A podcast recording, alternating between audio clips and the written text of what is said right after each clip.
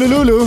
Välkommen till eh, Tutto Balutto måndag den 5 februari. Av många kallad födelsedagarnas födelsedag. Just det, ja det är en stor födelsedag idag. Jag bara tänkte Just på, det. nej men du sa Då kom jag, jag, jag stod i allhallen igår och, och hade eh, kupp. Ja. Färingsökuppen, en, en klassisk eh, kupp ute på Ekerö. Eh, och då hade mina tjejer kommit på en ny ramsa. Vi är svarta och gula, vi dansar hula hula. Oj. När vi var tacka för matchen. Ja. Eh, när du sa Tjolilulu, då kastades jag tillbaka till igår. Ja, det är olika världar. Eh, det låter ju som att det borde finnas utrymme för en koreografi till den ramsan också. Ja, eh, jag tror att alltså, tjejerna inspireras ju väldigt mycket av de andra. Och då hade det ena laget gjort en light-version av n- d- den liksom nyzeeländska eh, vad är det, hackan eller vad den heter. Ja, Den här Ja, krigsdansen exakt, som exakt. eh, rugbylaget kör. va? Precis. Så när de körde bara R, tre starka bokstäver, RSF, så kom de med en hel eh, vet, maorisk eh, dans tillbaka. Då eh, liksom pågick hela dagen på att hitta en ny. Och slutade med vi, vi är svarta, vi är gula, vi kan dansa hula hula. Jag vet inte om det är bra, men det var någonting. Alltså ramsan håller ju men den eleveras ju ifall man då kör några hula hula moves till. Absolut. Gjorde de det? Eh, jag försökte få dem det, det var nog bara jag som körde de movesen. Ja. Ja, det, det kanske var lite pinsamt. Det är ju intressant annars det där, eh, du, du nämner ju ramsan här, den lever alltså en, tre starka bokstäver eller tre starka hej. Ja. För att det, det var ju standard, eh, standardramsan att köra i Sankt Erikskuppen när jag var liten också, alltså vad, vad är det då?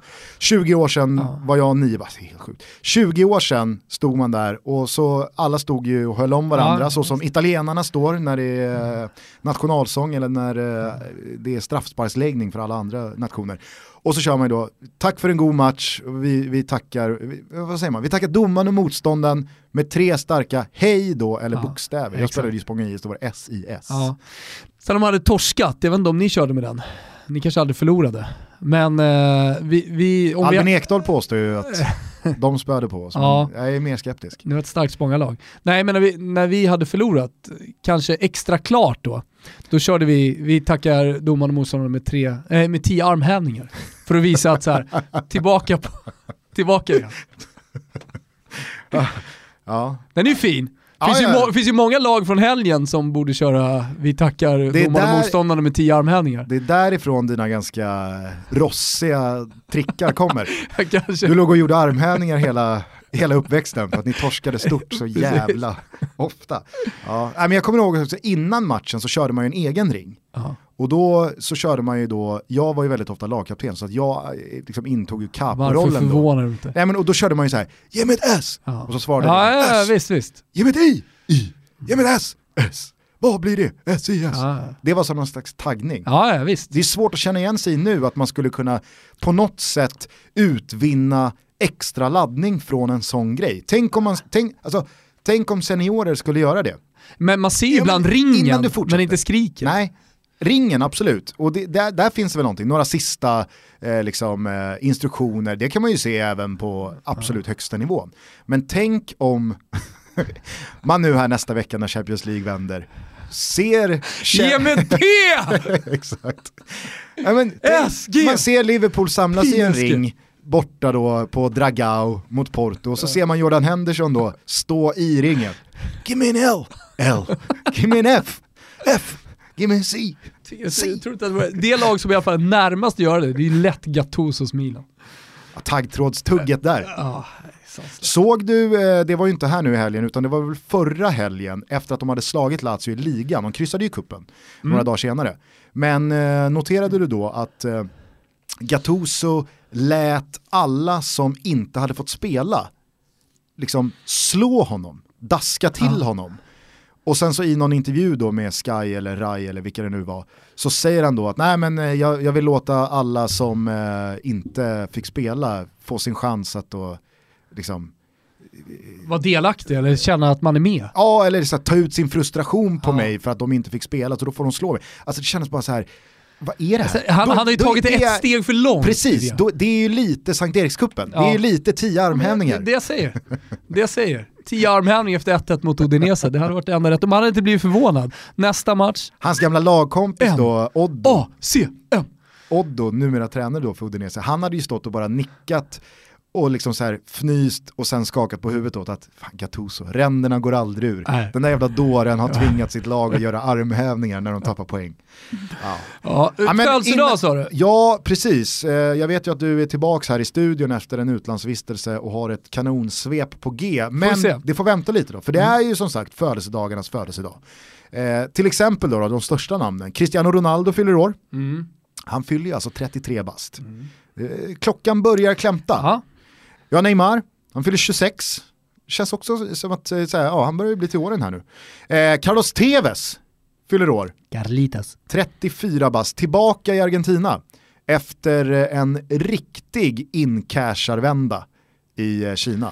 Ja, han, Han var, väl inte- världens, han var väl världens överlägset Ja. bäst betalda spelare i ett år ungefär. Han var det och han gjorde inte speciellt bra ifrån sig heller. Utan han Nej. åkte ju verkligen bara och cashade in. Jag tror att han gjorde tre mål på 22 matcher där borta. Och de klippen man nåddes av, herregud vad man inte har sett hela matcher än från Kina. Nej, Det är långt ingen som har. Det är Nej, ingen långt som har. Bort. Den kinesiska ligan, det dröjer väl innan den börjar sälja på bred front i Europa. Ja, Det ska bli intressant att se vem i då eh, liksom fotbollsmedieprofilsvängen som väljer att ta facklan och ta den gula ledartröjan vad gäller den kinesiska Bylund. fotbollen. Kanske, Ja. jag vet inte. Han tog smal, ju den japanska facklan en gång i tiden. smal referens. Kommentator på Eurosport, Ja, eh, för de som inte känner till. Jobbat väldigt mycket MLS och Ja. damfotboll. Ja, och tidigare japansk fotboll när den landade på Eurosport. Eurosport var ju länge det. Eh, Kommer du ihåg vad den hette? Lite slasktratt. Kommer du ihåg vad den hette? Eh, J-League. Ja. Ja. Ja. Annars är ju, alltså, när, i samma veva som J-League landade hos Eurosport och man började ändå prata lite om liksom, den japanska fotbollen var ju när VM hamnade där. Och, eh, men, men det som blev liksom minnet som, som bestod från eh, då japanska supportrar eh, och sådär, det var ju när Fredrik Ljungberg eh, kom dit med svenska truppen och, och eh, japanska fansen blev helt till sig i trasorna. Vi kanske ska lyssna på hur det lät. Finns det ljud? Ja, ja, det finns ljud. Det finns ljud. Svenskarna hade nu varit i Japan i 12 dagar. Dagar fyllda av uppståndelse.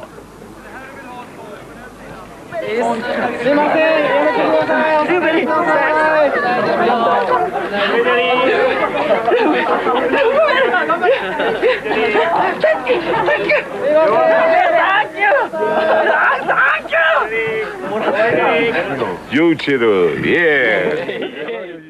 Ja, nej men precis. Och, och jag tror att de bilderna, så, mycket riktigt så är du ju inne på att det var ju liksom den första ordentliga kontakten man hade med både japansk och jag tror för många med mig som då var... Första kontakten var japaner, japaner, japaner. Det var första kontakten som, som svenskar hade med japansk fotboll. Absolut, fast nu, alltså många, många som var med på den tiden lyssnar inte på Toto Balutto. Så mycket kan man ju säga. Alltså Absolut. Du, du pratar nu om, vad är det, det är 60-tal. Det är länge sedan. Ja. Ja. Det kan till och med vara 50. Är det VM 58? Det är länge sedan. Du borde ju ha koll på det här. Ja, jag borde det. Men, men all, de här allting som rullar på VHS sitter inte kvar i, i skallar. Och det här är ju det här är idrottshistoria, så det, det ska, ska ju sitta som ett rinnande vatten så att säga. Ja. Men, men, men det gör det inte. Nej, men så här lät det i alla fall. Och så en japan, en japan, en japan. Dessa japanska försvarare, de är små men sannerligen, de är hårda. Det är två bollar på plan, vilken ska användas? En halv minut kvar. Jag är rädd att vi måste upp i allt hopp. Japan leder med 3-2. Och det är alla spelarna utom Bergqvist är på japanska sidan av planen. Det är, ja man tror det sina ögon. Det är obeskrivligt. Det kan inte talas om en gång. Det var den underligaste match jag sett i mitt liv. Då sparkar japanska målvakten ut bollen. Och Andersson nickar över sidlinjen som en förtvivlad springer Josefsson för att hinna upp bollen men hinner den inte. Det blir bara svenskt inkast. Japaner, japaner, försvarande japaner, från sig vilt slående japaner och lika vilt angripande svenskar. Japaner som hoppar, japaner som kastar sig, japaner som fläker sig. Japaner som gör allt för deras egen Okej, det här var första Så kontakten det man märks hade. att vi har också en ung eh, målgrupp med tanke på hur ofta det här ändå har spelats i olika kröniker och på SVT. Ja. Okej, eh, helt rätt. Det här var första kontakten vi hade med japansk fotboll. Sen gick det 40 år ungefär. Ja. Eh, något sånt. Eh, Batistuta, var han i Japan? Eller vem var det som Lugn gick till japansk? Lugn. Ja men Batistuta var ju en av de här som, eh, gick han till Oman? Ja, Oman ja. Ja, han, han gick till Oman. Lugn. Lite Japan. samma sak. Nej men eh, någon var det i alla fall som gick till japansk fotboll. Men skitsamma, japaner, japaner, japaner. Någon gick till japansk Japaner, japaner, japaner, 40 år av att ingen vet vad som händer. Sen så kommer vi i kontakt med japansk fotboll igen i och med att det står en snubbe och är alldeles för eh, entusiastisk över att Fredrik Ljungberg är på plats. Och jag tror att den reaktionen, den brändes fast i så många svenskars medvetande och omedvetet eller medvetet, det låter jag vara osagt, men den gjorde att man liksom instinktivt inte har kunnat respektera japansk, eller för den delen östasiatisk fotboll sen dess. Håll med mig, för att jag gör inte det. Gör du det? Nej, jag vet inte hur mycket det påverkar, det vore sjukt men Men jag tror att det blev liksom så här, det blev lite att man klappar japansk och östasiatisk fotboll på huvudet efter att man såg de där bilderna. Ljungberg! Ljungberg! Ljungberg! Ljungberg! Alltså den, den eh, kulturen finns ju inte i europeisk eller eh, liksom västerländsk fotboll. Att skulle det ske Nej, så det- skulle det man finns inte kunna, man skulle inte kunna annan- det typ respektera, nej. man skulle inte kunna respektera eh, det landets dels supportkultur eller fotboll. Nej, alltså, det- men det, det, om, man, om man pratar liksom om supportkulturen eh, som på något sätt ändå ligger som grund till all supporterkultur så är det väl liksom det som händer på kortsidorna. Sen så att det inte ser likadant ut på, runt om hela arenan, men den, den finns ju alltid där, det är dit man blickar, det är den riktiga supporterkulturen, eller hur? Därför blir den här idoldyrkan eh, så jävla långt ifrån man bara kan komma Allsvensk supporterkultur eller europeiska, vad man nu vill. Kalla det liksom en grav generalisering. Kanske man ska också benämna det som supporterkultur eh, rasism. Men känns det inte som att standard-tifot inom japansk och östasiatisk fotboll är människomosaiken? Det, fram, det var ju någon som sa det. Det var, det var någon som sa det. Så ingen skulle ju slå de nordkoreanska kurvorna, om det nu fanns nordkoreanska kurvor, i mosaik. Nej exakt. Det var, det var ju som när, när gamla företaget Kodiak, kommer du ihåg Kodiak? Ja. Fan vad de föll när digitalkameran föll. De Gjorde, tänk att vi hade har lyssnare som inte minns vad Kodiak var. De gjorde alltså filmrullar. Alltså jag vet inte om det är, jag kanske... Typ helt Ja, men, ensamma på marknaden. Jag kanske, tar, jag, kanske, jag kanske är helt snett på det, men hette de inte Kodak? Sa jag Kodiak? Ja. Ja, ja du ser. Men eh, Kodak, eh, jag var en gång eh, och praoade på Kodak, bara en sån sak. Gick Mm. femman. Ehm, Nej men inte bara mosaik i själva ark, det hade ju varit otroligt, alltså så här, det hade ju varit... Men Kodak-mosaiken, det var ju deras reklam. Det Ja. var ju en arena och så Ja. byttes då, eh, det, det var eh, mosaik som man vände på bladet. Ja. Men jag är ju så liksom nedvärderande gentemot då östasiatisk fotboll och läktarkulturen där, att jag tänker att det skulle vara människomosaik. Alltså Ah, att folk okej. står i, så som de gamla Milan-supporterna stod i Basta Ja. för några år sedan där när det var så här, nu, nu fan är det nog. Så stod de ju en hel match i olika färger och formade då bokstäverna och utgjorde ordet Basta. Eh, så hade det ju varit varje gång, Självklart. tänker jag. Eh, Är det fler som fyller år eller? ja, det är fan hur många som helst. Jesper, Blom, Jesper. Blom, Jesper Blomqvist, Aha, du skulle säga Husfeldt. Georgi Hadji, Oh, han är sur nu, Hadji, vet du det? Giovanni van Bronckhorst, Hadji är sur för att hans son inte fick spela, speltid av eh, Pioli i Florens. Vedran Chorluka, Oh, gamla eh, visst. Tottenham eh, fin. som ändå ristade in sig i eh, fotbollshistorien eh, förra sommaren, alltså under EM 2016, när han fick en smäll och inte körde det här eh, bandaget som då Nej. Terry Butcher eller Thomas Brolin eller andra spelare eh, Körde Han körde en, en vattenpolo-mössa. fantastiskt, typ nerskickad från fansen. Alltså det är ju en sån här, inte bara att den såg väldigt löjlig ut uppe på huvudet utan den, går ju kny, den, den knyts ju fast han med körde den öppen lite. rosett Ja. under hakan. Det var ju väldigt då, eh, En pinsamt. flört med, nej pinsamt, det var ju en flört med eh, alla supportrar som, eh, alltså 90% av alla kroatiska supportrar kör ju vattenpolomössan även under fotboll. Det var alltså en flört. Ja men klart att- det var, det var en flört med fansen eftersom de, de reser så. Alltså i Frankrike, det, de Kroatien, jag var ju på Turkiet-Kroatien, alla körde vattenpolomössor. 90% lätt, alltså, det, är inget, det är inget skämt. Liksom. Det var det, det var Han som- får ett jack, Nej, men han får ett jack i huvudet under matchen. Deras, Säger till läkaren, nej nej, skit i bandaget. Här är, här är en gyllene, Jag tror att det var en liten ett gyllene tillfälle att Ja. flirta med supporterna. Ge mig vattenpolomössa. men alltså, det, vattenpolomössan för kroaterna är ju älghornet för svenskarna. Vikingamössan eller älgklappan. Liksom. Vad är vår? Är det vikingahornen eller älgmössan? Eller pippiflätorna. Pippiflätan har kommit starkt de senaste åren. Tänk om det skulle ske i VM i sommar. Granen går upp i en nickduell, får en armbåge av någon mexare, jacket, blodet forsar, han springer ut till, det är väl Anders Valentin som kör ett mästerskap till. Och så säger han bara, nej nej, Jag har egen. skit, skit i bandaget, Ge, hämta flätorna. Och så kör han pippiflätorna. det hade ju varit magiskt. Ja, hade ju varit, alltså, skicka, skicka en hälsning då till eh, Lustig och Ponne och Granen och alla som lyssnar på podden. Tänk på det i alla fall. Lustig hade ju faktiskt kunnat göra det. Lustig hade kunnat gjort det. Jag menar, Lustig har ju det i sig att liksom dels flirta med fansen, dels att liksom ha snappat upp vad snackas det om utanför plan och ta det då till plan. Vad är trenden just nu i Camp Sweden? Ja, nej men eh, Trenden hittar till Lustig vi lätt. kanske helt enkelt ska snacka med Micke om det här. Och bara, bara liksom så här, put it out there. Ja. Gör vad du vill med det här, men om du åker på jacket, kanske att Valentin har... Se till så att det finns i alla fall. Danar eller eh, Valentin eller Mankan Forsblad, vem det nu är som sitter på bänken, ha bara med flätperuken i Har du läkarväskan. gå vidare nu innan folk stänger av? Ja, sista födelsedagsbarnet, Rodrigo Palacio. ja. Och eh, på tal om då att ha lustiga saker på huvudet och flätor.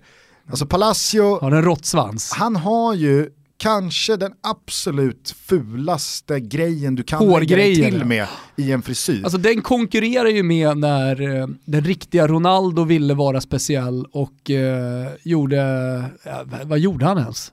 En kort, eh, han rakade Han- hela huvudet han och behöll en, en- kort lugg. en romersk båge En av romersk hår båge, i ja. pannan eller liksom i Exakt. fronten av eh, hjässan och sen hyvelrakat. Det var ingen som fattade det där någonting. Det såg ut som men, en det buskig blev, men det blev också lite coolt. könsorgan. Men det blev ju också lite coolt för att han gick och vann VM-guld och skytteligan i VM. Då, då, Mm. då tillför ju en märklig frisyr Jo men någonting. trots att han var Ronaldo, trots att han vann skytteligan, så landade ju aldrig frisyren.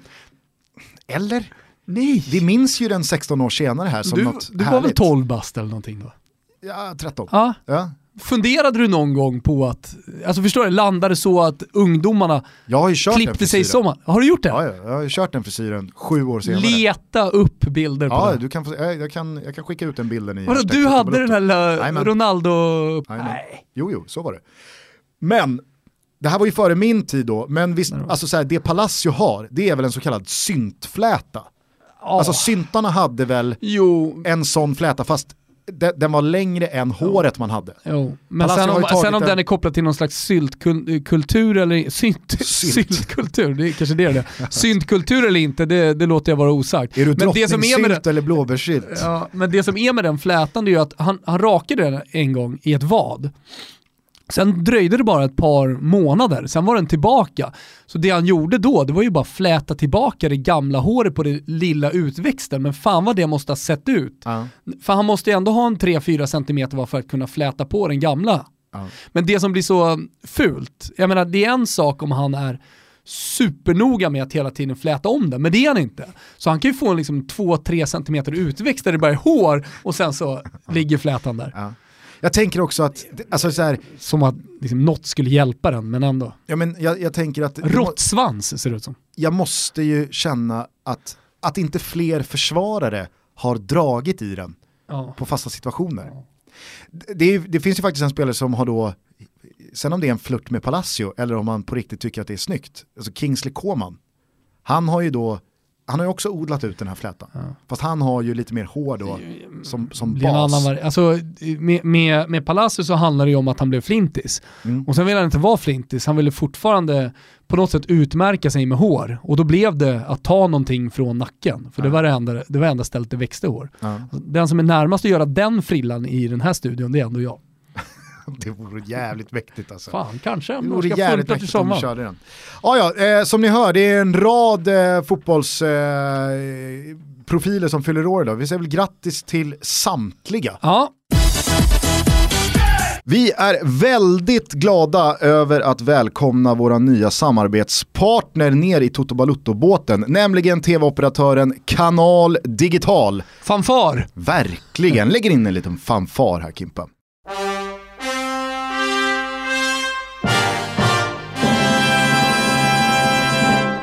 Varför är nu Kanal Digital med oss då? Jo, de vill att hela världen ska få veta att de på sistone gått och levlat upp sitt sportutbud och det ganska rejält. Under januari så tog man in eh, tre stycken nya sportkanaler, TV3 Sport, E-sports-TV och Sportkanalen. Mm, Sportkanalen har ju blivit en ny favorit. Det finns ju en del eh, Toto Balutto-kända, Olof Lund, Frida Nordstrand, Hasse Backe och så vidare. Precis, att lyssnar man på Toto Balutto då kommer man känna igen många nunor i eh, Tveklöst. Sportkanalen. Eh, den första februari så tog man dessutom in Viasats sportkanaler i sitt utbud och det Mm. är ju eh, ganska så bra timing. Ja, tveklöst. Nu går vi in i Champions League. Vi har eh, slutspurten i ligorna, Premier League och Serie A, Juventus mot eh, Napoli. Gillar man sport känns det som att de börjar närma sig nå- någon slags eh, komplett sportutbud. Verkligen. Men det finns mer va? Vill man dessutom följa John Guidettis nya vår i. Alaves och La Liga så är det ju eh, Viasat sportkanaler man Mm. behöver. Men som om inte det här vore nog, den 8 februari till och med den 25 februari så lanserar man dessutom tre stycken nya extra Eurosport-kanaler. Ja, då förstår ju alla vad det handlar om. Det ska ju lekas i snön. Det ska tävlas i snön och förhoppningsvis vinnas medaljer. Eh, så att, eh, som jag sa innan, med de kanalerna och eh, ytterligare då vintersport så är det ju en komplett tv-operatör om man gillar sport. Verkligen, utbudet talar för sig själv tycker Toto Balutto. Gå in och läs mer om det här på kanaldigital.se. Vi är i alla fall väldigt glada att Kanal Digital är med i Toto-båten ett tag framöver. Varmt välkomna. Som vi alltid gör på måndagar så kastar vi oss in i ett svep. Och då säger vi så här då. Från flottiga lunchbufféer, blekfeta svennar och ölkranar som flödar till krispig luft, välbankade kalvsnitslar, stekheta gulaschlevar och värmen i Toto-studion. Ja, man kan ju tro att jag varit och praoat på Tumba bygg med allt vad det innebär. Ja, ja, hur som helst, rätt in i fotbollshelgen och denna kryddiga summering. Och vi börjar med engelsk sparka springfotboll i omvänd kronologisk ordning. För det var ju långa bollar på Mosala när helgens stora drama på Anfield fick fotbollsfans att vakna ur matkoman efter söndagssteken. Två klassavslut av den lilla faraon från Garbia räckte föga förvånande eller inte, bara till en ynka pinne för Liverpool. Tycka vad man vill om offside, sparkar i knäveck och så vidare. Själv väljer jag kort och gott att återigen konstatera att Jürgen Klopps Liverpool sällan eller aldrig känns som en säker trea oavsett vad det står. Där hade tidigare under helgen Manchester City tappat poäng som så många andra i Burnley. Manchester United vunnit på klassiskt Mourinho-vis och Arsenal gett fansen hopp om en grön och skön vår. Från blåshålet noterar Toto också att allas vår pony är du med? Pony! Bonnie! Åkte på en märklig skada och var tvungen att bäras ut på bår. Eh, vi kommer väl till det Gusten. Vi säger i alla fall krya på dig med hela Toto-familjen i ryggen.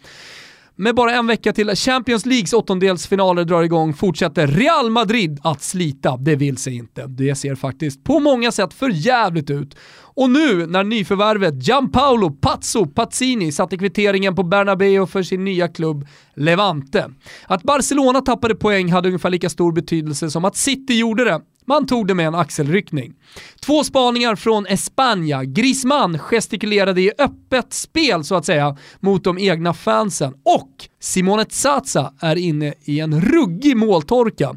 Det är ju så, man ska hylla de som hyllas bör, men också såga de som sågas bör, Gugge. I Italien, ja, hej hej hej, oj oj oj, fina Serie A igen Gusten. Där jämförs nu Gattusos Milan med sitt eget utseende. Lopez går a tutto gas. Hörner skjuts rätt i mål. Ynder lär sig italienska och det märks. Inter har tappat sitt Dolce Casa. Mertens är sådär älskvärt amore amore och Iguain är Triguain när den gamla damen är Settebello eller Luna Park. Ett nöjesfält som de säger där nere. Nej, nu är det slut på Italo-runket och vi säger arrivederci från svepet. Ja, men jag tycker du eh, berör väldigt många eh, spännande punkter. Framförallt så var det ju otroligt mycket som hände i England. Inte minst då den här upplösningen på Anfield. Men vi kanske ska börja då med Ponne och eh, Leeds. Ja, vi är väl en vecka bort va, från en telefonlösning så att vi kan eh, ringa upp och lyssna med våra korrespondent och eh, Ponne andra där ute. Precis, det finns ju en jäkla massa att snacka om. Eh, Akisar är ju helt under isen. Mm. Danne är dystopisk när vi snackar med honom. Eh, både vad gäller sina egna besvär i ena fotsingen, men också laget går ju riktigt dåligt just nu. Mm. Men inget lag går ju sämre än Leeds för fan. De har ju sju raka utan vinst här, fem förluster på de sju. Och eh, efter eh, lördagens ganska så pinsamma insats hemma mot Cardiff, förlust 1-4, så valde man att eh, sparka den danskaste spanjoren av dem alla, du vet vad tränaren heter? Mm. Thomas Christiansen. Mm. Kan man inte tänka att han är mm. spanjack. Men så är det. Nej, alltså det, det, det är ju märkligt att detta Leeds fortsätter att liksom komma nästan men inte hela vägen fram. Det ska ju, liksom, jag längtar tills vi får lyfta luren och snacka med Ponne om allting som har varit senaste tiden. Ja, verkligen. Alltså, nu tror jag att han är rätt nedstämd. Det skulle inte vara så roligt samtal, men, men, men ändå höra med honom liksom, hur, hur det är. Han har ju spelat hela tiden. Han har ju fått uh, ha en, uh, en, en säsong äntligen som har varit skadefri. Mm.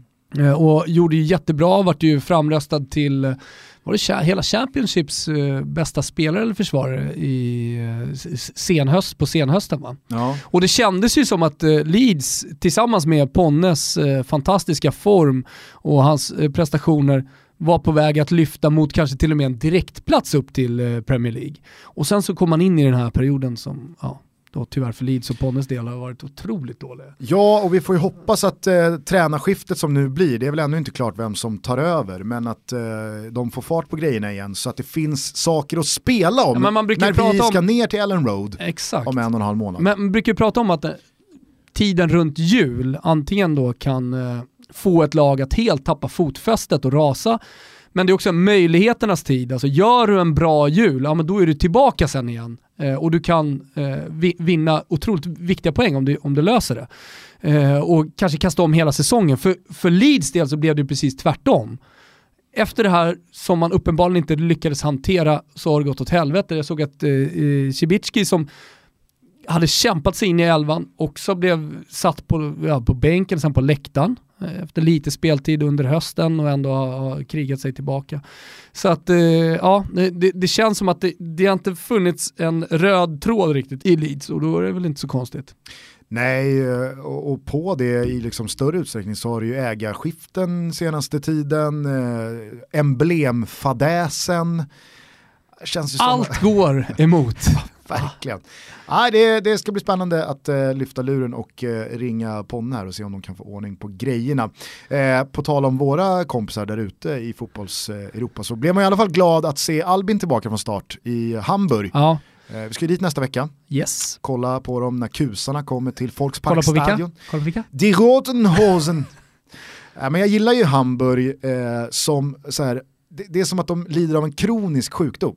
Ja. Det går liksom inte att göra någonting åt det. Nej. Man har ju dansat sig kvar på linan, eh, är det fyra säsonger i rad här nu i Bundesliga. Mm. Nu fick man ju rött kort i helgen, lyckas ändå klara krysset. Så ja. det, det, får man ändå se som en stark positiv ja, men Jag, jag fascineras verkligen av klubbar som har likt en katt med nio liv, klarat sig kvar men ändå inte lyckas göra någonting annorlunda till säsongen efter. Nej. Det, det, det, väntar ju samma sak här nu. Oavsett om det slutar med, för första gången då, då degradering till Zweite, eller om man återigen med nöd och näppe klarar sig kvar i Bundesliga. man klarar sig. Jo, eh, det tror jag också. Ja. Men det man också vet är helt klart är att om ett år så kommer det se exakt likadant ut igen. Jo, nej men, eh, nu är vi återigen där. Jag vet att många brukar protestera när man pratar om fotbollsprojekt.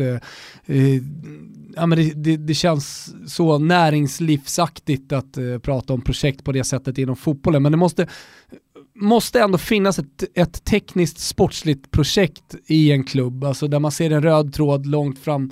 fram. Vi hade ju Axén här eh, som eh, eh när han klev av Örebro eh, sa att han inte riktigt eh, höll med styrelsen när man liksom presenterade en, en Europaplan i framtiden. För att det, den, eh, det sportsliga projektet måste ju också lira med någons mm, liksom, ekonomisk plan för att kunna lösa det här. Och har man inte en budget som kan konkurrera med lagen som också slåss om, i det här fallet, Europaplatser, ja men då har man ju, och det inte presenteras någonting liksom, fascinerande. Vi, vi, har gjort så här, vi, vi kommer ta spelare därifrån eller från vår ungdomssektion händer det här. Fan vet jag vad det kan vara. Men har man inte någonting fascinerande, raffinerande, eh, då är det ju då är det svårt att tro på det. Då är det ju bara tomma ord eh, kan man känna och det känner man ju på Axén också. Eh, och, och, det var väl en av anledningarna att han inte eh, kände att han kunde vara kvar i Örebro heller med de höga målsättningar som han ändå hade. Eh, och, men, men i Hamburg, där er känslan, de har säkert också powerpoint-presentationer och allt möjligt och man har en plan inför framtiden. Men när man bara tittar på dem utifrån så känns det ju som att man bara, okej, okay, det är det här vi har gubbar, nu krigar vi år igen. Alltså det, det, det, finns ingen strategi riktigt. Nej, Nej men precis det där, det här är vad vi har, ja. är ju någonting som har genomsyrat Hamburgs säsong, men kanske framförallt då januarifönster. För att Visst, inga jämförelser i övrigt, men det var ju många som tittade på Real Madrids säsong hittills och konstaterar att ja, men, det här har inte funkat och det här har inte funkat. Ändå så gör man ingenting i januarifönstret, man tar inte in någonting.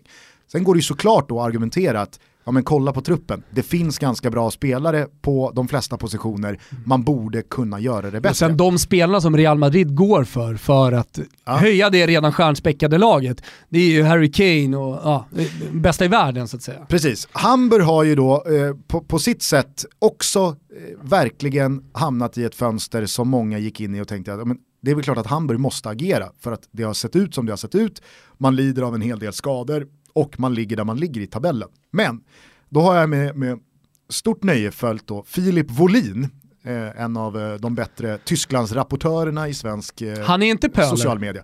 Nej, han är inte pöler, men vad gäller Hamburg så är han kanske till och med strået vassare ja. än pöler för att Filip Volin är Hamburg. Ja, ja.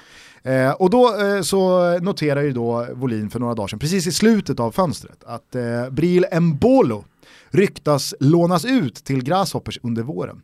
En spelare som Hamburg verkligen borde hugga på, men sportchefen Jens Tott är som vanligt passiv. Och det här, Jens Tott. Ja, det, här, det här älskar jag. Då. ansikte på Jens ja, men då, alltså så här, Man älskar ju att sportchefen för en så stor klubb både i liksom så här europeiska mått mätt, men kanske framförallt tysk fotboll mått mätt, som Hamburg. Att de ligger som de ligger, att det är så givet att man måste ju förändra någonting i spelartruppen. Att man då sitter på en sportchef vars då USP är. Vad är grejen med Jens Tott? Jo, det är att han är passiv. Hur stavar du Tott?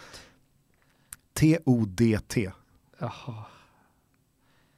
Då får man upp eh, Frau efter namnet. Då vet man att det är något på gång där. ja, men jag måste ha ett ansikte på den här, på den här gubben. Jens, ah, det herregud. Det går inte att fortsätta med den här. Får se. Han utstrålar inte pondus direkt. Jag vet vad han utstrålar, han utstrålar en sportchef som är passiv. ja, det är precis vad han utstrålar. Han kikar på spelare, han får en jävla massa spelare rekommenderade till sig från diverse agenter som säger men, eh, jag erbjuder den här spelaren och ni borde ta den här spelaren och jag tycker efter att ha ögnat igenom er situation att ni borde vara intresserade av den här spelaren. Supporter som ligger på, gör någonting Tott. Gör någonting för fan Jens. Vi Vad som helst! Vi håller ju på att åka ur Bundesliga för första gången i klubbens historia. Du måste agera. Kulor finns, finns inte kulor, lös kulor. Ta in nytt fräscht blod. Jens Tots svar är bara No. nej, nej. Nej, jag, jag kommer avvakta. Jag kommer avvakta. Sitt i båten för att jag har koll på grejerna. Så att eh, om man ska tro då Filip Wåhlin så är Jens Tott den enskilt största anledningen till att Hamburg nu kommer att åka ur. Och jag är spänd på att åka till Hamburg nästa vecka då tillsammans med dig och eh, med Grand Frank-gänget som var med och tävlade i höstas och grotta ner mig ännu lite mer kring Jens Tott. Kanske kan vi få en dragning av Pöler som ska med på resan också, eh, redan på Arlanda. Ja. Kan vi få lite bakgrund här på Jens Tott, den passiva sportchefen. Världens mest passiva sportchef. Det är, så, det är så jävla dålig egenskap att ha som sportchef i en utsatt klubb. Att vara passiv. Ska vara, du ska ju vara på hugget. Sista veckan av fönstret, då ska du, då ska du vara i, i Milano på, eh, ja, du vet, bland alla andra sportchefer. Du ska, du ska resa, du, Ja, du ska ha tele, tre veckan. telefoner I hans, redo. I hans läge så ska du ju sätta spelare första veckan av fönstret. Alltså han ska ju Ja, visa men det hade ju att jag agerar direkt. Jag agerar sist- direkt. Sista veckan på januarifönstret, då sitter han ju med avstängda telefoner. Han har zonat ut, han har tagit lite... li- Då har han åkt till Sydamerika för att eventuellt kunna hitta en, en ung talang. Jens Tott kör ju autosvar på mejlet sista veckan på fönstret. Jag är tillbaka 2 februari. Exakt, jag är för tillfälligt borta från... Jag hade inte varit förvånad om jag hade sprungit på Jens Tott med familj nere på Sunwing. Vad fan Tott, har inte du jävla massa att stå i? Helvete, det är, det är tre dagar kvar på fönstret Tott. Jag chillar mig igenom den här krisen. Jag Fyll avvaktar. på i, i lunchbuffén. Avvakta, vad fan, vad är det för, vad är det för populärkulturell grej jag far efter där lösningen är att inte göra någonting? Fan, ja, jag kommer inte på det, men folk får gärna försöka eh, hjälpa till här i vad, jag är, vad, det är, vad, vad det är jag far efter. Det är i någon jävla serie eller film där någon då förväntas göra någonting, det ena eller det andra, men väljer att inte göra någonting. För att man är passiv och så slutar det med att det givetvis är den bästa lösningen på allting, att man inte gjorde någonting. Ja, det kan man ju eh, hjälpa till eh, att eh, fylla i luckan med i eh, antingen hashtaggen då totobalutto eller via mail totobalutto@gmail.com. Det blir i alla fall kul att följa Jens Tott och Hamburgs vår och givetvis då lite extra på grund av att Albin verkar vara tillbaka i gott slag. Härligt. Eh, ska Du, vi bara, ska vi bara Ska ta bara säga där? en sak, eftersom vi är en aktuell podd, Ja. eh, så hände precis en oerhört tung grej. Vi brukar inte prata om, eh, om eh, sådana här saker så att säga i podden. Vet, det, det är lite av eh, Olof Lunds grej om man pratar sportmedia i Sverige. Mhm. Men det håller på att hända massa grejer med sporträttigheter eh, och framförallt då fotbollsrättigheter. Alltså som det har varit eh, så köper MTG eller Kanal Plus, alltså Bonniergruppen med TV4, köper, köper sporträttigheter så krigar de mot varandra. Nu har Discovery kommit in eh, och är en ny spelare. Eh, man vet ju inte riktigt hur det kommer se ut i framtiden, men som Telia kommer gå in och, och, och börja buda och så vidare. Det här, det här har Olof Lund skrivit jättemycket om, så det kan man följa honom och läsa mer. Men i Italien nu, Alltså för de alltså rättigheterna, Serie A-rättigheterna, Serie B-rättigheterna i Italien så har spanska Mediapro gått in och köpt rättigheterna. Man vet inte på vilken plattform de kommer sändas på. Kanske blir det så att de hyr ut det till olika plattformar. Sky, Mediaset och så vidare. Men det är alltså en helt ny aktör som har klivit in och köpt rättigheterna. Jag ser det som en jävligt stor riktningsförändring i sport-tv-rättighetsframtiden. Det vore ju mäktigt ifall spanska Mediapro går in och köper rättigheterna till den italienska fotbollen och bara släcker ner rättigheten. Som man kan göra i Hollywood. Alltså viss, Döda vissa bolag går in, vissa studier går in och köper manus för att bara stoppa dem i, i skrivbordslådan. Stick it in the drawer är väl frasen då kring att man, man köper vissa filmer för att de inte ska bli gjorda. Alltså det är movet. Och det vore ju då ifall det är någon sån här kamp om vilken är världens näst mest attraktiva liga. Spaniens move gentemot Italien är då att man köper den italienska fotbollen för att bara släcka ner. Det går inte att se. Det går Söndag 15.00.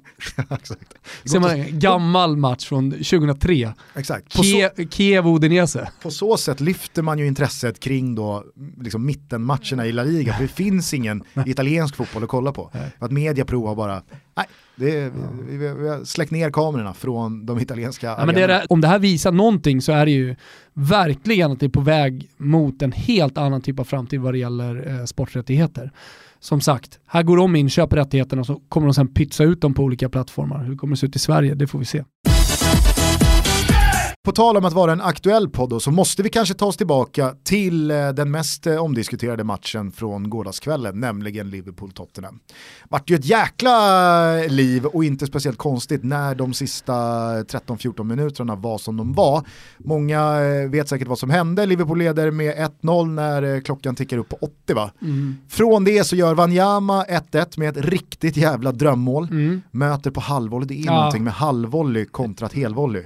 Eh, otrolig smäll om man inte har sett det. Så Och alla som har spelat varmt. fotboll vet att den träffen är ju den skönaste också. Den känns ju Nej. inte, det är ju det Det- klassiska att ja, säga. exakt. Man vet att när man inte ens känner att man träffar bollen så är det en så perfekt träff det bara går att få. Eh, Harry Kane löser en straff, ska sätta 2-1 i 90 men eh, missar i anfallet Ah, efter. Karius Så, räddar. Karius räddar, men det var ju en riktigt dålig straff. Ah. Riktigt dålig straff. Man trodde ju att Alexis Sanchez slog Premier Men, men vet du League-omgångens vad? sämsta Vet du straff. vad? Jag gillar att den räddas, för det har ju börjat bli en liten trend inom fotbollen att sätta den centralt, i och med att eh, målvakter alltid chansar. Ja. Alltså, regeln är att man går höger eller vänster. Men nu har de börjat fatta det, börjat läsa spelarna och stå kvar också. Mycket bra. Ja, mycket bra. Eh, hur som helst så... Straffar ska nämligen inte sättas centralt. Det är regeln för en straffskytt. Du sätter den inte mitt på mål. Jag tycker att den enda regeln är ju liksom att en, Gör som Koman. en bra straff går i mål. Gör som Koman, sträckt vrist. Det var väl Henrik Rydström som... Scherer, sköt inte han i nättaket också? Ja, han bara blundade och bombade ju. Det gick ju inte att stoppa den. Nej. Eh, Batistuta la ju också sina straffar lite så. Mm.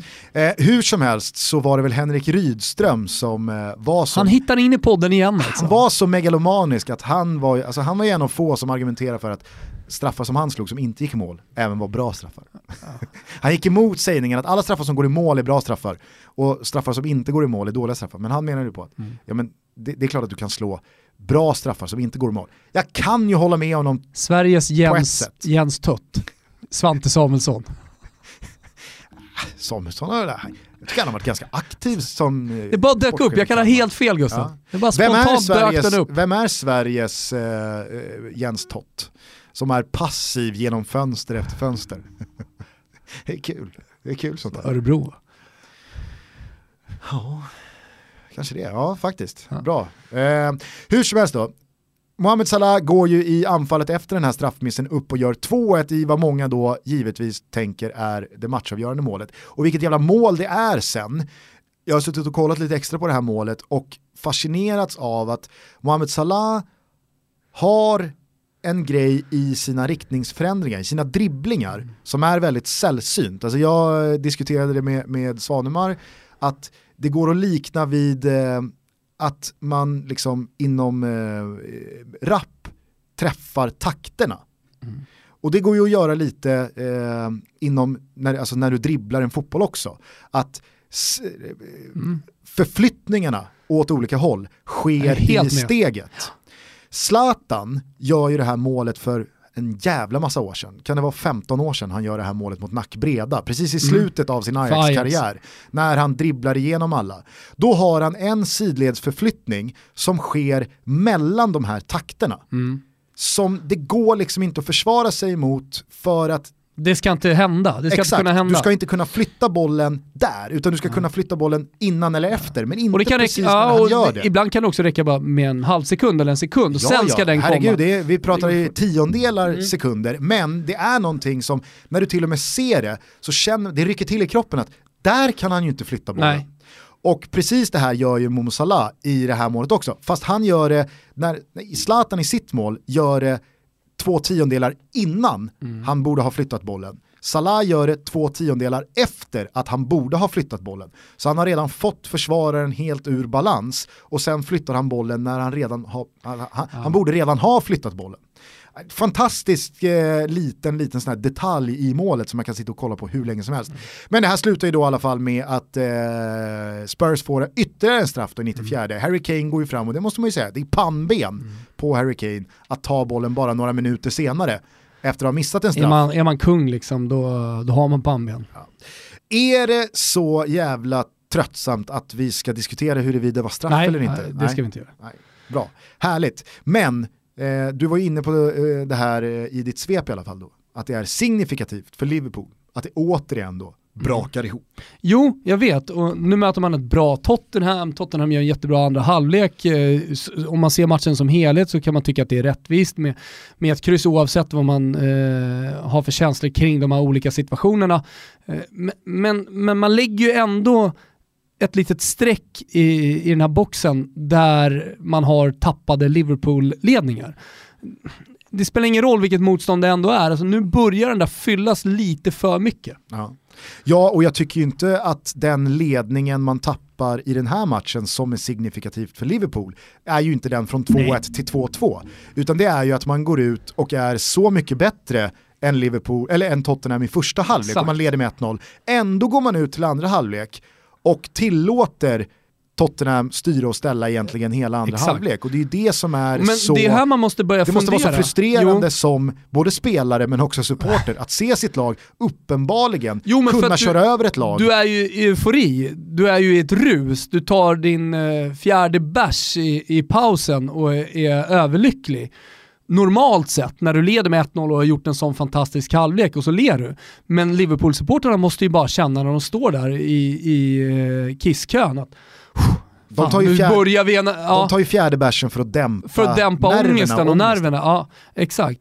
Eh, men, men man måste ju börja ifrågasätta hur, hur kan det bli så här? Alltså är det någonting som är mentalt eller är det så att han kräver så pass mycket, eller Klopps spel kräver så pass mycket springa, energi, att man helt enkelt inte orkar att upprätthålla den nivån so- som man håller eh, i de första 50-60 minuterna oftast hela matchen. Nej. Och att man då inte har en plan B, eller det kanske inte är en plan B, det tror jag är fe- fe- felaktigt, utan att man har en eh, annan form av taktik, att när vi leder med 1-0, möter bra lag, eller sämre lag, så kan vi också spela på det här sättet och känna oss ändå ganska trygga i det här. För det som händer det, det är att det blir farligt hela tiden. Alltså det är en sak att ligga lågt, alltså det är väl klassiskt för italienska landslag. De ligger lågt, motståndarna för spelet, men det känns ändå aldrig riktigt som att bollen ska gå in i nät. Det, det, det, det är kassaskåpssäkert oavsett om eh, motståndarna har bollen hela tiden. Alltså tvärtom Pep Guardiolas sä- sägning att så länge vi har bollen så kan inte motståndarna göra mål. Eh, för, för, jag, jag tror att Klopp borde fila på en sån strategi i alla fall. Ja, alternativt att vara sann mot sig själv och veta att det funkar så länge vi spelar så här. Ja men spela så då. Ja, men jag tror inte man orkar. Jag tror inte att det funkar i 90 minuter. För det så, det, den frenesin som man spelar de första 45 minuterna, det, det, det går, jag tror inte det går att träna sig till det. Nej, det kanske det inte Fysiskt gör. Och, omöjligt. och visst, det, det finns ju såklart en komponent då som är fysiken, hur länge orkar man? Men ge det en kvart, 20 minuter till då, så kanske 2-0 kommer. 3-0 kommer. Och då går det ju att argumentera för att ja, men nu har vi nått en så pass eh, bekväm ledning, eller säker ledning, att nu kan vi dra oss tillbaka, vi kan släppa in ett mål, vi kan till och med släppa in två mål, vi kommer fortfarande vinna matchen. Nu gör man det ju i en så skör ledning som med ett mål. Alltså du skrev det ju redan i paus, man vet ju att Liverpool inte vinner den här matchen. För att de kommer nu gå ut och inte spela som de gjorde i första halvlek. Sen så ska man såklart tillskriva scenförändringen eh, en, en viss del också till Tottenham Självklart, och Pochettino. självklart. För de skruvar ju och ändrar på Herregud, de sakerna ja. som, som de måste göra. Men jag tycker ju att Liverpool och Klopp borde kanske en gång för alla inse att vi har en sträng att spela på. Vi har Ja, ett ackord och det låter jävligt bra det ackordet. Spela det ackordet så ofta som möjligt. Man ser ju till och med på Salah som kan springa hur mycket, hur mycket som helst att han, eh, visst han orkar den där sista löpningen, den räden kommer in och gör det målet. Men det, han kan ju inte göra det varje gång. För i andra halvlek så blir det verkligen bara långa bollar på Salah. Som, v- Vad är Mané? Kan inte han liksom skickas på den räden någon gång? Nej. Ja, det blir ju väldigt intressant eh, att eh, se nu eh, vad som händer med de här lagen när de går in i Champions League också. Alltså, vi pratade ju om Real Madrid här kort i svepet. Ännu en sån här oförklarlig insats borta mot Levante. Alltså att se den laguppställningen, att se de spelarna på plan. De tar ledningen med 1-0 också, tidigt i matchen ändå så finns det inget lugn, ändå finns det ingen kvalitetsskillnad mot ett lag som Levante. Det finns ingen grinta, det finns ingen som driver på. Ja, Luka Modric är på något sätt en spelare som du tittar på och ser, han ger i alla fall allt. Det är maxlöp, han Jo, visar konst- känslor, konstiga han visar kvalitet. Bale. Alltså det, det, det är mångbottnat eh, problemet i, i Real Madrid som man känner med en vecka kvar till PSG. Bytena, fingertoppskänslan är borta från eh, Zinedine Zidane, Eh, som du säger spelarna underpresterar. Eh, men ändå tycker jag att man sitter med en liten så här, minikänsla att ja, fast de vaknar nog ändå till den här matchen mot PSG. Absolut. Alltså just det här som vi också har pratat om en del, men, men det här med motivationen, ligan är körd. Att man inte riktigt når upp till den. Allting, och det vet Real Madrid-spelarna om också, handlar om matchen mot PSG. Ja. Alltså man kommer inte missa Champions League. Man kommer greja det i slutändan också. Eller hur? I ligan, det är ju ingen snack om. Nej, det är självklart. Nej, men, är du med? Alltså, det Ja. finns ju ett par livlinor. Ja, men precis. Och så, så jag tror i alla fall inte, oavsett hur mycket man vill värdera motivationen, så tror jag att man inte ska bara helt avfärda att eh, det, det här 2-2 resultatet eh, mot Levante också bär lite på motivationsbrist. Så är det och jag är helt övertygad om att det Real Madrid och kanske framförallt den Cristiano Ronaldo man lär se nästa vecka när PSG kommer till Bernabéu och det är han mot Neymar. Och... Mm. För jag menar, hur sitter vi och pratar om Real Madrid efter de har vunnit över PSG? Som att den här säsongen lever i all högsta grad, som att de kan bli historiska igen om de tar sig hela vägen till finalen.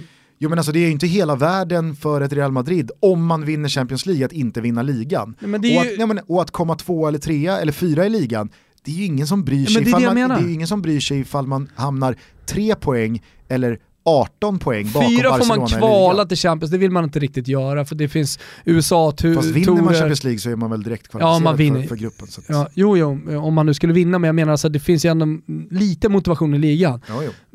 Men, men eh, det jag menar är bara att med de fönstren som Real Madrid har gjort också, att man har snarare då valt att ha kvar, vilket är lite ovanligt i dagens fotboll när alla liksom byter eh, friskt, att man valt att ha kvar sina nyckelspelare, man har inte satsat på så mycket nytt, eller nästan ingenting i stort sett.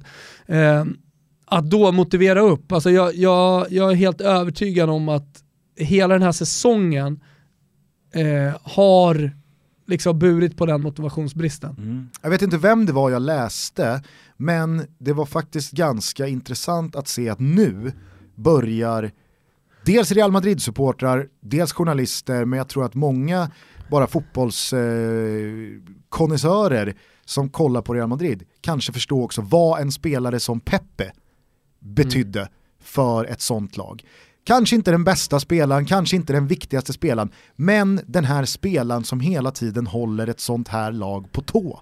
Alltså, han, jag, jag, jag, om jag tänker på Pepe i det här Real Madrid så ser jag ju inte att man hade fortsatt tappa de här poängen i de här matcherna. Visst, ligan kanske är körd, eh, man kanske har fokus på Champions League, men leder man med 2-1 mot Levante så tappar ju inte ett Real Madrid det men till det- poängförlust det- det- med det som- i laget. För att det är en sån spelare som erbjuder egenskaper som kanske inte en Varann har, eller en eh, Modric har, eller en eh, Gareth Bale har, utan det är en sån här spelare som, det kanske inte är någon Galactico, men det är en jävla högsta nivå, framförallt lägsta nivå i vad man tolererar och inte. Men, men problemet, även om man lite skiter i i ligan, problemet blir ju att självförtroendet individuellt hos spelarna är inte på topp ändå när man kommer till PSG. Och om det är någonting som är på topp eh, i PSG så är det ju onekligen självförtroendet hos nyckelspelarna.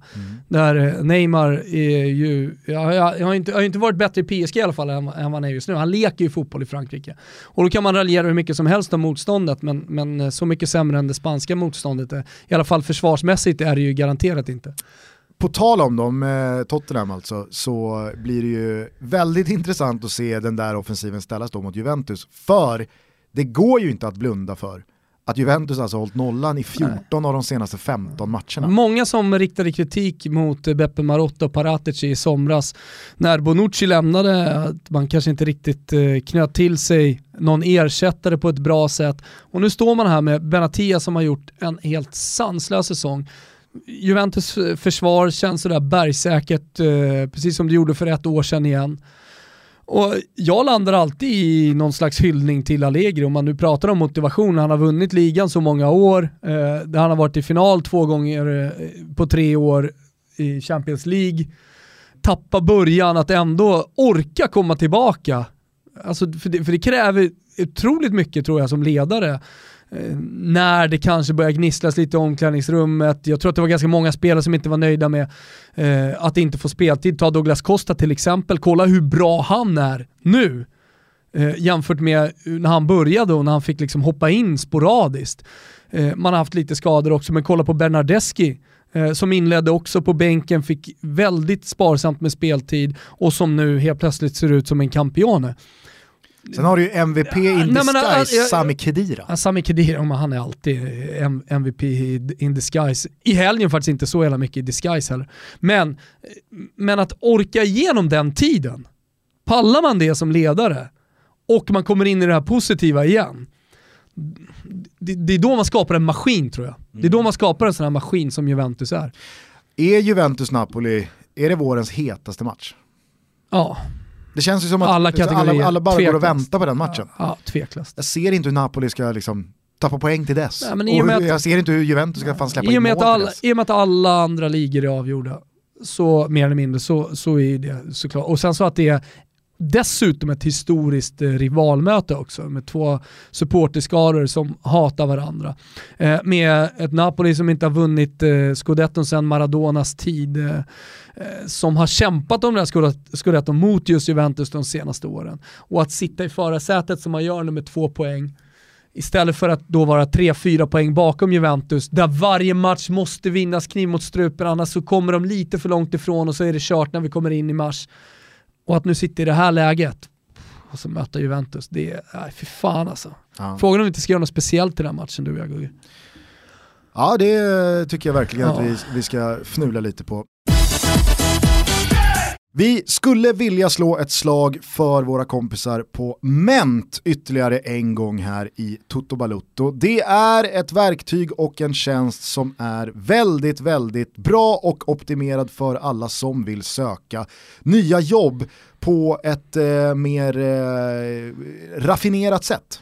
Exakt, eh, alltså normalt sett så går man ju till Arbetsförmedlingen eller man, man kollar i annonssidorna så ser man att ah, men de där söker jobb och så skickar man in sitt CV och så hoppas man, hoppas man på det bästa. Men det är något helt annat. Där går du in och så eh, lägger du upp din personliga profil. Så ni som lyssnar på det här kan ju direkt då gå in på Ment, eh, allihopa egentligen, för det spelar ingen roll om du har ett jobb eller om du faktiskt är arbetssökande. Exakt, man går in på ment.career. Där kan man eh, till att börja med då, göra det så kallade karriärstestet, där man fyller i och får fram sin eh, profil. Och sen så kan man då fylla i eh, både krav och specifikationer och eh, sina parametrar i vad som skulle locka. Således så skapar man sig ett eget filter där bara eh, tjänster som är intressanta ploppar upp. Ja men exakt, och det är det som är så, du, du pratar om raffinerat. Det, det, det är ju det nya sättet att söka jobb på. För det är inte bara du som går in och visar att kolla här, här är jag, så här duktig och tillgänglig i de här branscherna för de här typerna av jobben. Utan även eh, arbetsgivarna går in och hittar dig där. Så det kanske bara är några klick bort ditt framtida drömjobb. Gå in på ment.career och gör det nu. Tack till Ment. Känner du hur varmt det är i studion? Jag känner, jag känner hur det liksom bara brinner. Jag är som en jävla kamin. Det går inte att röra vid dig. Nej, nej. Det var ju riktigt, riktigt nära förra helgen då med min superboostade trippel till 16 gånger pengarna. Då var vi ett eh, Sevilla-mål ifrån vid ställning 1-0 hemma mot Getafe. Eh, så att då var det nära, men det blev ingen hare som jakttrofé. Däremot så vart det ju tre av tre i helgen för mig och ytterligare då en Toto-trippel in på kontot. Ja men tack för till Betsson som har boostat de här tripplarna och betalar ut eh, flera laxar här nu till alla som har ryggat. Eh, eh, och jag har ett personligt, eh, en personlig hälsning här från farsan. Jaså? Ja, han ryggar ju dina tripplar friskt. Ja. Eh, och ja, men eh, bara skicka en, en kram och ett stort eh, varmt tack då, för nu, han, han började sina på kontot va? Och nu så fyllde det sig på igen här. Ja. Så nu, nu är han med i leken inför Champions League och, och allt vad det är. Ja, men det som känns skönt det är också att vi till och med är rätt på det i våra känslor kring vilka spelare som kommer vara avgörande i de här. Förra veckan så var det du som då garanterade att nu kommer Dries Mertens komma in i en riktigt, riktigt bra period. Han gjorde ju då två mål i matchen mot Bologna. Och den här gången var det jag som sa att ja, det känns ju som att Carlos Bacca, eh, så het som han är i Villarreal, han kommer vara med och bidra till den här Ja. trippen. Och det var ju precis det som hände, han skickade in sista kassen borta mot Betis och eh, löste det överspelet. Så att, nej men det känns eh, roligt att eh, vi eh, både genererar pengar och officiella matchtröjor till folk som är med och ryggar Toto-tripplarna. Ja, jag känner att de här röda och gröna siffrorna, Gugge, Thomas som står på vår whiteboard här på kontoret, jag känner att det, det, det bidrar. Det vi, vi satt här innan avsnittet och båda rekade tripplar inför helgen. Vi har en liten intern tävling du och jag. Så att eh, fortsätt hänga med oss borta hos Betsson.com. Det kommer nya tripplar till helgen där officiella matchtröjor återigen eh, står som kickers. Men vi sitter också och filar på lite boostade odds här nu till omstarten av Champions League-slutspelet som drar igång nästa vecka. Så att då kommer det finnas boostade odds mitt i veckan också. Det är riktigt härligt. Ja, det är jättekul. Eh, du hade någon, någon målskyttsspel där och, och lite blandat. Jag, jag ska fila fram till nästa vecka också. Men Toto-tripplarna först eh, på torsdag. Kul att så många har ryggat att eh, Fortsätt göra det, fortsätt häng med under Toto-trippen. Tack till Betsson. Hörru du, eh, jag har en gulasch och en schnitzel Ja. att dela ut. Kör, jag är hungrig. Jag börjar med gulaschen då. Ja, gulaschen för alla nytillkomna lyssnare. Varmt välkommen till Toto Balutto förresten. Det här är måndags-Toto, då kör vi lite svep och så, så delar vi ut eh, schnitzel till någon som har gjort någonting bra, gulasch till någon som har gjort någonting dåligt. Varför? Det finns ingen riktig logik. Det var Gusten som en gång i tiden bestämde att det skulle vara så. Och eh, när Gusten bestämmer någonting, som till exempel att Mohamed Salah är en dålig avslutare, ja men då är det så. Alltså, jag, jag, Då är det så! Och sen går vi vidare Gusten. Då är det så! Och sen nu tar du vidare, vad var det för schnitzelgulasch? jag skulle ändå vilja trycka Vad på, är det som är? jag skulle ändå vilja trycka Det på att så. Mohamed Salah inte är en Du, världsklassaavslutare. nu kör du bara. Ja, eh, innan jag börjar, Ja. eh, det var ju kul då, eh, han som skickade in bilden på Ikea-schnitzeln och gav den 3 plus. Ja. Och sen började försöka motivera tillbaka den med pris och så vidare. Ja, du, det är körd för all framtid med den. Ja, men, eh, det, det stämmer eh, som du säger att gulaschen eh, än en gång då återigen går till någon som har gjort något dåligt. Men schnitzeln eh, handlar den här veckan om en liten så här, stödkram, Okej, en, en styrkekram. ja det kan den göra. Ja. Men gulaschen då i alla fall, eh, den går till eh, Deportivo La Coruñas sportsliga ledning. Som eh, tvärtom gentemot Jens Tott inte är passiv. Som inte väntar sig ur eh, krisen, avvaktar sig ur ett riktigt pyrt tabelläge. Utan Deportivo La Coruña då, som fick däng mot eh, Real Sociedad med hela 5-0 i fredags, valde då att sparka Cristobal Parallo, Ingenting på den gubben. Eh, och vem tror du då har naglats ut som ersättare? Vad kan det vara? Van Basten? Nej, men eh, du är där och nosar i alla fall. Det är ju Clarence Sedorf Aj, aj, han gått klart eh, skolan nu. som nu alltså rider in och ska rädda kvar Deportivo La Coruña i La Liga. Man ligger på 18 plats eh, och då kan man ju tänka så här, Visst, det ska ju sägas tidigt här att eh, av alla rapporter att döma så har inte Clarence Sedorf varit klubbens första val. Men jag skiter det. faktiskt i ifall han var andra eller tredje valet. Han ska inte vara något Kan val han också här. ha varit femte valet? Kan ha gått åt helvete? Nej, vad jag har förstått så är han tredje val. De har fått, de har fått två nej tack. Men För att det är klubb man inte vill ta i. Exakt, exakt. Alltså det, det är liksom, varningsklockorna hos Sedorf borde ju ringa. Varför har två stycken tackat nej? Jo, har man ta tagit en internetkurs för att bli eh, Fifa Pro-tränare, Ja, då får man fan ta det som bjuds. Man kan garva hur mycket man vill åt att Everton liksom sparkar sin tränare och tänker att fan, håller vi kanske på att åka ur här? Vi tar Sam Allardyce. Det är inte fräscht, Han har det är trots inte allt kul, räddat klubbar förr. men han är någon slags garant på att vi kommer inte åka ur. Mm. Deportivo La Coruña vet ju att man har dansat både mellan Segunda och La Liga senaste åren och är bara en skugga av sitt forna jag. Man var väl i Champions League-semifinal för eh, 13-14 år sedan. Eh, med 13-14 år sedan. Fotbollsvärlden har förändrats lite sedan dess. Fan vet om de inte slog Milan med Clarence Mm. Sedorf då. Vill jag nog minnas. 4-1 tror jag på Riazor. Eh, hur som helst då, att man inte tänker steget längre utan att man vänder blicken mot Clarence Seedorf som alltså misslyckades rätt ut med sitt Milan, det var hans första tränaruppdrag. Sen gick han tom ett tag tills... Tror inte man bara ska tillskriva Clarence Seedorf liksom Milans debacle? Ja men bra var det inte. Nej, det var det inte. Bra var det inte. Nej. Men det var inte sämre än någon annan. Han gick då tom på uppdrag tills eh, Shenzhen Mm. FC i juli 2016 gav honom jobbet i den kinesiska fotbollen. Vi vet ju vad vi tycker om östasiatisk fotboll, den är svår att respektera. Den är svår att ta Vad tycker vi om västafrikansk fotboll? Västafrikansk? Vä- Väst, väst.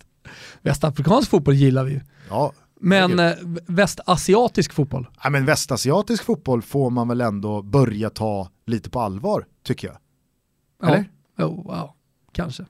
Jag menar, där finns det ju ganska, alltså många Jo, absolut. Alltså, det är en annan strategi och där jobbar man ju med sportsliga projekt. Ja. Till skillnad från eh, borta i Kina där allting handlar om pengar. Man gillar ju de här eh, matcherna i Iran, där det är över 100 000 på herregud. Esteglal och... Och, och vad man inte är, alltså där, vad man inte fattar riktigt eh, vad fotbollen gör där. Nej. Sen så går det, sen så går det att liksom peka Den på... är svårtillgänglig ska ju sägas, absolut. Absolut. Det är Sen så, lättare att följa kinesiska ligan eh, ja, på olika medier än att följa det får man nog säga. iransk fotboll. Sen går det att peka på hur eh, smutsiga pengar som helst, men man vet ju också att Qatar och Dubai och Förenade Arabemiraten, alltså de ländernas lag, alltså om tio år så är de ju att räkna med. Ordentligt. Också västasiatisk fotboll. Jag tror inte det. Jag tror inte det. Nej. Nej. Okej. Eh, skitsamma då i alla fall. Sedorf, han eh, misslyckades ju fatalt även med Chen Chen, fick sparken efter fem månader. Vem gick Oväntat. jobbet till? Svennis. Svennis. Och så sent som i december då 2017 så eh, höll Sedorf på att landa jobbet som eh, eh, manager, kombinerad roll, tränare, sportchef i Atletico Paranaense i Brasilien då. Men Det klubben... var ju, det var en, en brasiliansk internetkurs som han tog. Ja. Han gillar Brasilien. Ja. ja, men här drog sig då klubben ur efter långa förhandlingar. Och det säger väl också om att de kanske fick nys om att så här, det här kanske inte är gubben att satsa på. Men nu har Deportivo La Coruña då alltså tagit beslutet att Clarence Seedorf, det är gubben som ska rädda oss kvar. Jag skulle vilja sticka ut hakan här och påstå att om Deportivo La Coruña åker ur La Liga med Clarence Seedorf vid rodret, då är det det sista vi ser av Cla- Clarence Seedorf som tränare. Ja. Nej det tror jag inte men eh, det, dröj, det dröjer nog. Då tror jag att han, då ger han upp. Ja, Då ger han upp. Ja. Eh, den, trä, en tränardö- lejondöden innan tränarkarriären ens har börjat. man ska också säga att inte bara borde klockorna ha ringt hos Clarence när då två pers har tackat nej till jobbet, utan att när man även noterar att och då blir jag alltså den sjunde tränaren på tre och en halv säsong. Ja, ja. Man har starkt självförtroende i alla fall. Nu är jag, Eller är extremt på själv, nyfiken på din schnitzel. Ja, men min schnitzel är ju en styrkekram och den går oavkortat till Trelleborgs mycket, mycket älskvärda anfallare Salif Kamara Jönsson. Du har hängt med i den här eh, Buster-sagan som du är får- Salif Kamara Jönsson. Friska upp allas minnen här. Okej. Du om någon är ju svag för stora centertankar som är late bloomers, eller hur? Mm. Och det här är ju en beskrivning som passar bättre in på Salif Kamara Jönsson än på många andra. Eh, den här gubben, han är alltså 34 år idag. Och Det är ingen ålder på en häst. Nej, det är ingen ålder på en häst. Och häst i det här fallet alltså en central anfallare. Fram tills bara för några år sedan så hade den här gubben hållit till i Kirsebergs IF, Limhamn Bunkeflo, FC Rosengård och Lunds BK. Och det var ju där någonstans det började hända kring 30-strecket. Salif Kamara Jönsson, han går till Trelleborgs FF 2015. Då i division 1 södra, Trellet eh, hade ju haft det riktigt tungt och drattat ur både allsvenskan och superettan. Men med Salif Kamara Jönsson eh, och eh, Christian Heinz, Mm, trotjänaren som hängde med hela vägen ner, så började ju då vändningen. Och han har ju öst in mål sedan dess. Och många fick ju upp ögonen för då Salif Kamara Jönsson i Superettan förra året, Mm. när han två matcher i rad, vill jag minnas, gör fyra mål. Mm. Alltså han gjorde åtta mål på två matcher. Och sen har han ju då ett väldigt eh, utstickande namn, får man ju säga. Jo. Salif Mané Kamara Ja. Jönsson. Det är härligt. Och då så går ju Trelleborg upp via kval, det här var ju väldigt härligt. Dels att Trellehulla är tillbaka, Vångavallen ska bli Tjongavallen igen och finns ju liksom historik kring det där. Eh, men det var ju väldigt många då som gladdes över att Salif Kamara Mm. Jönsson som 34-åring ska få göra allsvensk debut. Vad händer i helgen? Korsband. Ah, drar ju hälsenan. Nej. Han drar ju hälsenan och säger ju liksom innan duschen, det var nog säsongen som rök. Nej, Du, och, och då känner man ju, när han säger det, så känner man ju, det var nog karriären kanske. Va? Det var både karriären Ja. och allsvenskan och Ja. allting som rök där. Ja. Ha, alltså på tal om då pannben, att Harry Kane har starkt pannben, att han eh, pallar slå den där straffen då efter att precis ha missat den. Om Salif Kamara Jönsson gnetar på i rehabrummet under 2018, kanske åker Trellehulla ur och han gnuggar igenom en superettan-säsong igen, kanske blir det två, för att då nå allsvenskan en gång till. Då kanske vi har att göra med svensk fotbolls allra starkaste pannben genom tiderna. Ja. Jag vet inte. Men styrkekram, håll med mig. Absolut. Sch- Schnitzel för eh, karriären, Mm. för eh, allt vad han är. Ja. Nej, det var många med mig som hade unnat den där eh, allsvenska debuten till Salif Kamara Jönsson. Men en jävla, alltså det, är också så, det, det är så givet också att det är hälsenan han drar. Ja. Det känns som en skada som är så förknippad med gamla spelare. Exakt. Korsband är mer liksom, nej fan korsbandet Jo men rök på alltså 23-åringen. hälsenan är ju badminton 45 plus. Veteranbasket. Ja, du, vet, du, du ska backa Ja. och, och smälla till eh, fjäderbollen, då drar, då drar man hälsenan. Veteranbasket. Squash. Ja. Ja. Så nej, fan det är... Alltså, jag blev så jävla nedstämd Ja. när jag nåddes av nyheten i helgen att Salif Kamara Jönsson. Toto-familjen hur som helst är med dig, kämpa tillbaka. Så är det. Hörru, har du sett några bra förslag på bokstavskombinationer på olika eh, trios eller sådär i, i uh, hashtaggen Totobalutto? Ja, man har ju sett lite, vi eh, sa ju det i förra avsnittet att vi gärna skulle vilja ha en ny Magica. Och då mindes vi tillbaka till Maradonas tider återigen då, som man lätt gör när eh, Maradona och eh, Giordano, Bruno Giordano och Careca eh, bildade trio längst upp för Napoli och vann eh, Scudetto. Eh, då blev man ju bara ma La Magica, Magica med hela den italienska fotbollen. Eh, och det har funnits några sådana kombinationer och vi tänkte om vi kunde då hitta en ny sån som man inte har tänkt på.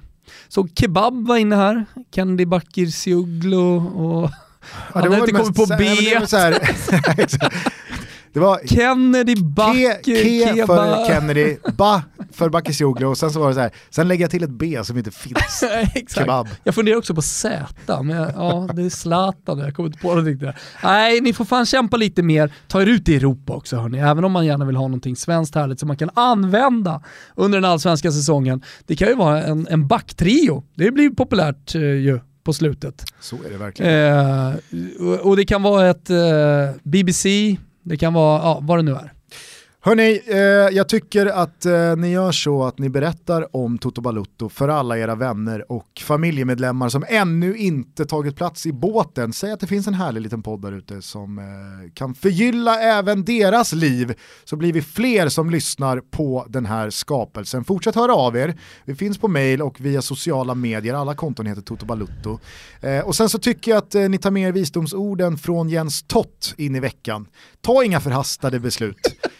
Ta det lite jävla lugnt. Ibland är det bara bättre att avvakta och se vad som händer. Kanske är det liksom så att allt man vill ha, har man redan. Man behöver liksom inte Gräset jaga är någonting. inte alltid grönare på andra sidan. Hörni, fortsätt lyssna. Vi är tillbaka på torsdag eller fredag igen. Vem vet? Eh, Ciao tutti! Ciao tutti. Like a stone, and I fell heavy into your arms. These days of darkness,